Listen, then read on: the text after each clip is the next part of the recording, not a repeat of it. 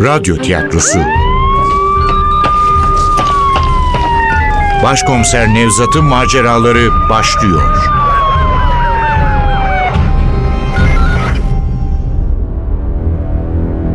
Kavim.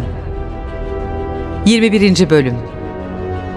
Eser Ahmet Ümit. Seslendirenler Başkomiser Nevzat Nuri Gökaşan Komiser Zeynep Dilek Gürel Şefik Bora Sivri Efektör Cengiz Saral Ses Teknisyeni Hamdullah Süren Yönetmen Cemile Yaltır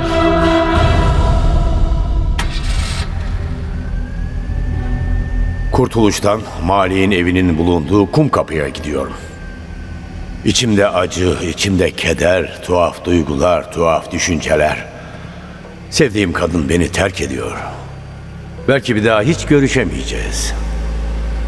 Çok önemli bir insanı daha kaybediyorum.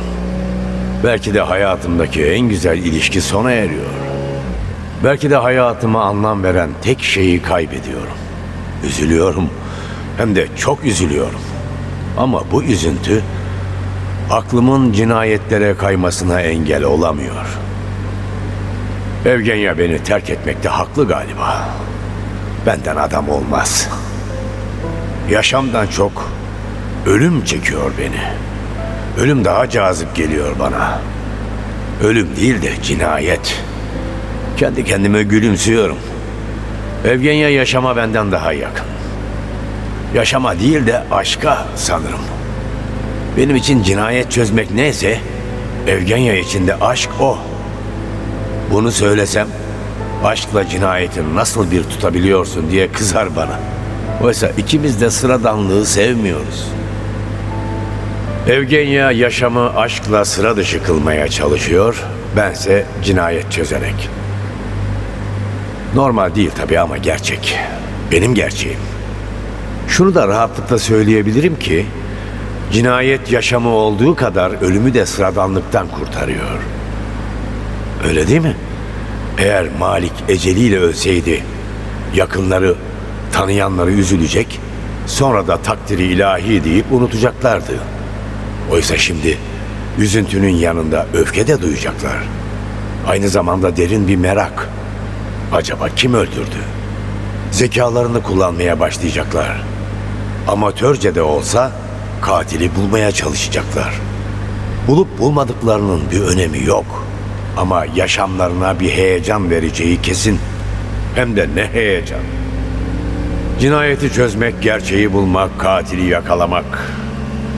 Cinayet çözmenin insan ruhuna iyi gelen başka ödülleri de var. Adaleti sağlamak gibi. Ama gerçek suçlu, gerçek katil bulunursa. Çünkü çoğu zaman gerçek görünenden oldukça farklıdır.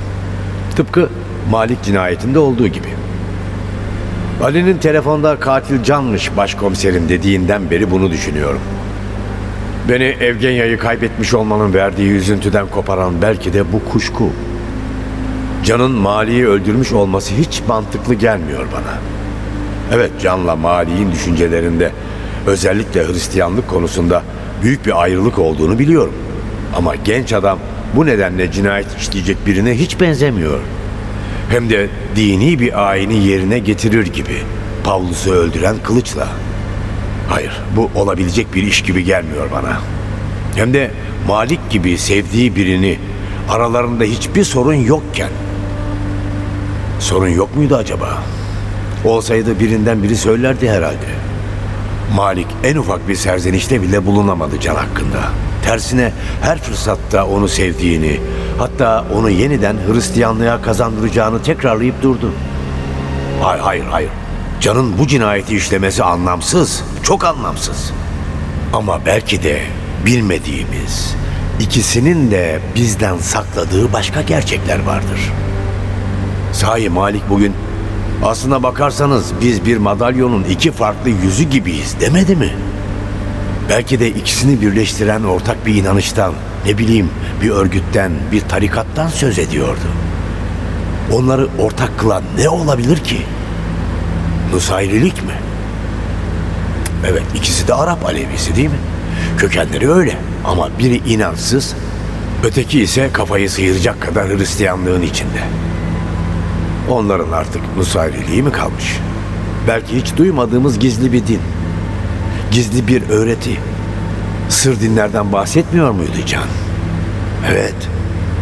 Sır dinler Adana, Antakya, Suriye yöresinde yaygınmış. Ama eskiden, çok eskiden. Sır dinler hala sürüyor olabilir mi? Neden olmasın? Antakya yöresinde reenkarnasyona hala inanılıyormuş. Malik kendisinin Pavlus olduğunu düşünebiliyorsa birçok insan da eski sır dinlere inanıyor olabilir. Kum kapıya ulaşıncaya kadar bu düşünceler aklımı kemirmeyi sürdürüyor.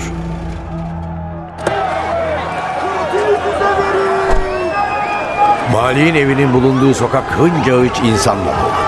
Bütün mahalleli yığılmış. Malik'in evi bizimkilerin kordonu altında. Polis arabalarının yanıp sönen lambalarından yansıyan ışıklar öfkeyle çalkalanan kalabalığın üzerine vuruyor. Kendi aralarında yüksek sesle konuşan, bağırıp çağıran kalabalığı yarıp eve ulaşmaya çalışıyor. Evin kapısından içeri adımımı atar atmaz bu sabah olmayan bir koku, tazeliğini yitiren kanın keskin kokusu doluyor genzime. İçerideki ışığa alışan gözlerim, koyulaşmaya başlayan kan tabakasının içinde yatan Mali'nin başsız cesedini seçiyor. Araya giren biri cesedi görmeme engel oluyor. Merhaba başkomiserim. Merhaba Şefik, nasıl gidiyor? Nasıl olsun olay giderek daha ilginç bir hal alıyor. Bizim çocuklar çalışıyor. Zeynep de orada. Ali nerede? Zanlıyı semt karakoluna götürdü. Halk çıldırmış gibiydi. Adamı linç edeceklerdi. Ali güçlükle kaçırdı buradan onu.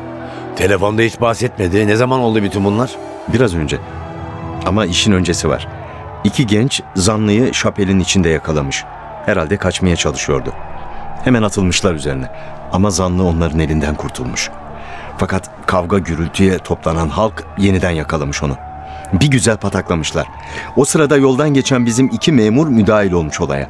Zanlıyı alıp evin içine sokmuşlar. Merkeze haber vermişler. Biz geldiğimizde kalabalık iyice artmıştı. Bağırıp çağırıyorlar. Zanlıyı kendilerine teslim etmemizi istiyorlardı. Meğerse bütün mahalleli Müslümanı, Rumu, Ermenisi Şapel'in uğurlu olduğuna inanırmış. Herkes gelip bu Yitzhak adındaki Aziz'den bir dilekte bulunurmuş. Şapel'de birinin öldürüldüğünü duyunca çıldırmışlar tabii. Malik şapelin içinde mi öldürülmüş? Ali cinayetin evde işlendiğini söyledi. Adamın kafasını burada kesmişler. Tam merdivenin orada. Kesilen baş yuvarlanarak şapelin zeminine düşmüş. Kapı açık mıymış? Açıkmış. Daha doğrusu zanlı şapelin içinden kapıyı kırıp girmiş içeri. Can neden kapıyı kırsın ki? Hem şapelde ne işi var? Mali'yi görmek istiyorsa evin kapısını çalardı. Yaşlı dostu da bütün konukseverliğiyle alırdı onu içeri. Yok bu olayda bir tuhaflık var. Yerde yatan cesede yaklaşıyorum. Şefik de peşimde.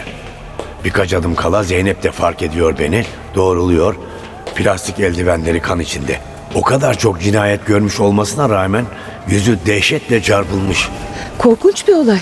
Maktulü yere yatırmış, başını merdivenin boşluğuna getirmiş, sonra kılıçla birkaç kez vurmuş. Düzgün bir kesik değil. Boynunda birkaç yara izi var. Gözlerim Mali'nin ayak ucunda duran, parlak yüzeyi yer yer kanla lekelenmiş kılıca kayıyor. Daha bu sabah elime aldığım bu keskin metalin ağırlığını yeniden hissediyorum bileğimde. Hemen kovuyorum bu anıyı belleğimden. Maktul karşı koymamış mı? Kavga, kapışma olduğunu gösteren bir belirti yok mu çocuklar? Var. Maktul kendini savunmuş. Ee, şu ikona o sırada düşmüş olmalı. Ee, ama güçlü bir karşı koyuş olduğunu sanmıyorum. Biliyorsunuz Maktul pek genç değilmiş. Ellerinde yara, darp izi de bulamadım. Zanlının durumu hiç de öyle değildi ama. Adamı fena hırpalamışlar. Öyle olmuş. Kalabalık az kalsın öldürecekmiş onu. Başka bir bulgu kanıt var mı? Maktulün sağ elinin orta parmağındaki tırnağın arasında lacivert bir iplikçik bulduk. Katilin mi yoksa maktulün kendi giysilerine mi ait araştıracağız. Laboratuvar işlemlerinden sonra kesin bir şeyler söyleyebilirim. Üst kata baktınız mı? Hırsızlık falan olabilir mi? Baktım başkomiserim. Her şey çok düzgün. Katilin yukarı çıktığını bile sanmıyorum. Hırsızlık olabilir mi anlamak zor. Evde o kadar çok eşya var ki. Ama maktulün oğlu Zekeriya'yı aradık. Birazdan burada olur. Eksik bir şey varsa o anlayabilir. Bu evde çalışmak zor. Çok fazla parmak izi var. Bir yerlerde özellikle de kılıcın kabzasında benimkilere de rastlarsan şaşırma. Oğlum öyle şeytan görmüş gibi bakma Şefik. Adamı ben öldürmedim herhalde. Sadece sabahleyin bu evdeydim zavallı Malik'le konuşmuştum. Onu öldüren kılıcı elime almıştım. Elinize mi? Niye? Adam ısrar etti. Ya şimdi boş ver bunları Şefik. Ne yani benden mi şüpheleniyorsun? Estağfurullah başkomiserim. Siz parmak izim filan deyince şaşırdım biraz. Merdivenlerde eğilmiş, ayak izi, saç teli, katili ele verecek ipucu, delil arayan olay yeri inceleme memurunun sırtının üzerinden şapelin kapısına bakıyorum. Ardına kadar açık. Anahtar kısmındaki ahşap kırılmış. Şapelin zemininde kana bulanmış, topa benzer bir cisim dikkatimi çekiyor. Anında bakışlarımı kaçırıyorum. Bu zavallı Mali'nin başı. Ee, bir de kutsal kitap var başkomiserim. Evet bu kitapta da bazı satırların altı maktulün kanıyla çizilmiş. Nerede görebilir miyim?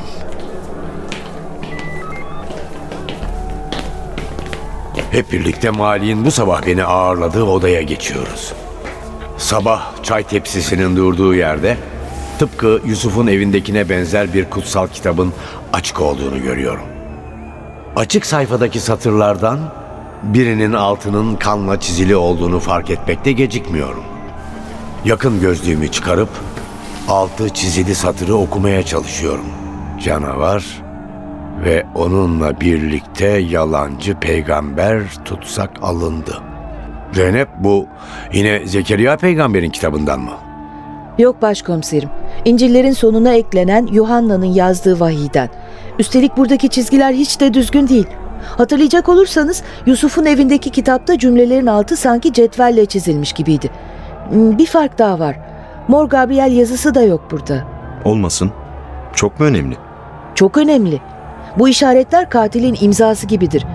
E, ki kutsal kitapta satırın altını kurbanın kanıyla çizme ritüelini yapmış ama bu kez başka bir bölümü seçmiş. Öncekiyle hiç ilgisi olmayan bir bölüm. Hadi bunun belki bir açıklaması vardır diyelim ama Mor Gabriel yazısı niye yok? Zaman bulamamıştır. İki genç iş üzerinde yakalamışlar katili. Anlayacağız. Anlayacağız Şefik. Acele etmeyelim. Şu delillerin hepsini bir bir toplayalım. Ondan sonra karar veririz. Biraz izin verir misin şimdi? Ee, bir başka dava hakkında konuşacağız da. Aa, ama bir dakika Şefik. Şu Süryani cinayetinde maktulün Hristiyan olduğuna dair basında haberler çıkmış. Öyle mi? Hiç bilmiyorum başkomiserim. Ben de farkında değildim. Cengiz müdürüm söyledi. Kim sızdırmış acaba? Bizden sızmadığına göre senin adamlarından biri olmalı. Yok başkomiserim nereden çıkarıyorsunuz? Benimki dostça bir tavsiye Şefik. Adamlarını uyar. Ağızlarını sıkı tutsunlar. Yoksa kabak senin başına patlar. Tamam başkomiserim tamam. Bizden biri ise kulağını çekerim.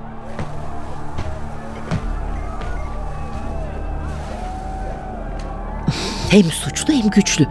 Bunun Namık adındaki kıvırcık saçlı adamını gördüm. Bir gazeteciyle konuşuyordu. Biliyorum Zeynep'ciğim. Sonunda Şefik de anlayacak hatasını. Umarım iş işten geçmeden anlar da başı yanmaz. Neyse biz işimize bakalım. Sen buraya ne zaman geldin? Geldiğinde neler gördün anlatsana. Ali ile birlikte geldik. Geldiğimizde dışarıdakilerden daha kalabalık, daha öfkeli bir topluluk vardı.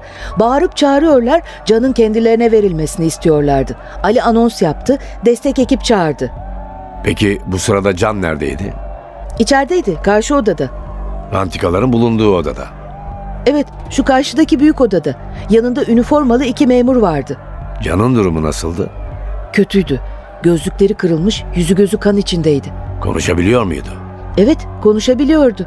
Bizi görünce sevindi. İyi ki geldiniz. Büyük bir yanlış yapıyorlar dedi. Ee, Ben ne diyeceğimi bilemedim ama Ali inanmadı ona. Can, Malik amcayı ben öldürmedim. İçeri girmeye çalışıyordum diye yalvardı. Bir arada sizi sordu. Beni mi sordun?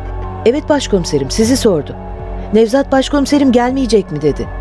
Ali fazla konuşturmadı ama o ısrarla sizi sormaya devam etti. Ben de gelecek dedim. O sırada dışarıdaki kalabalık yine taşkınlık yapmaya başlamıştı. Canı istiyordu. Eve taş atanlar bile oldu. Bunun üzerine onu evden çıkarmaya karar verdik.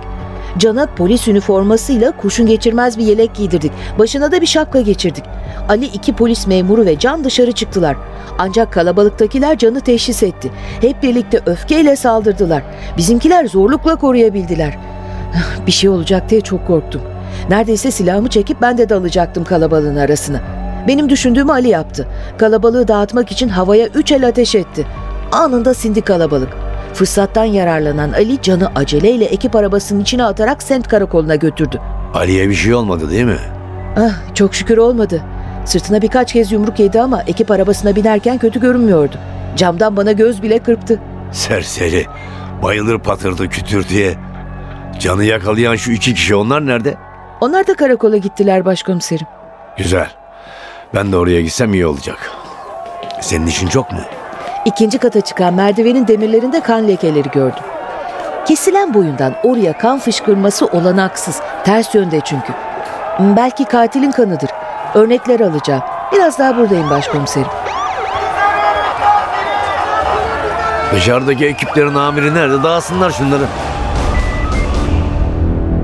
Kavim Eser Ahmet Ümit Seslendirenler Başkomiser Nevzat Nuri Gökaşan Komiser Zeynep Dilek Gürel Şefik Bora Sivri Efektör Cengiz Saral Ses Teknisyeni Hamdullah Süren Yönetmen Cemile Yaltır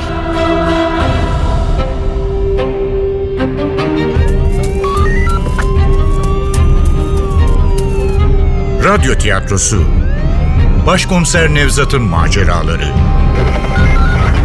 Başkomiser Nevzat'ın maceraları her cumartesi 11.15'te NTV Radyo'da.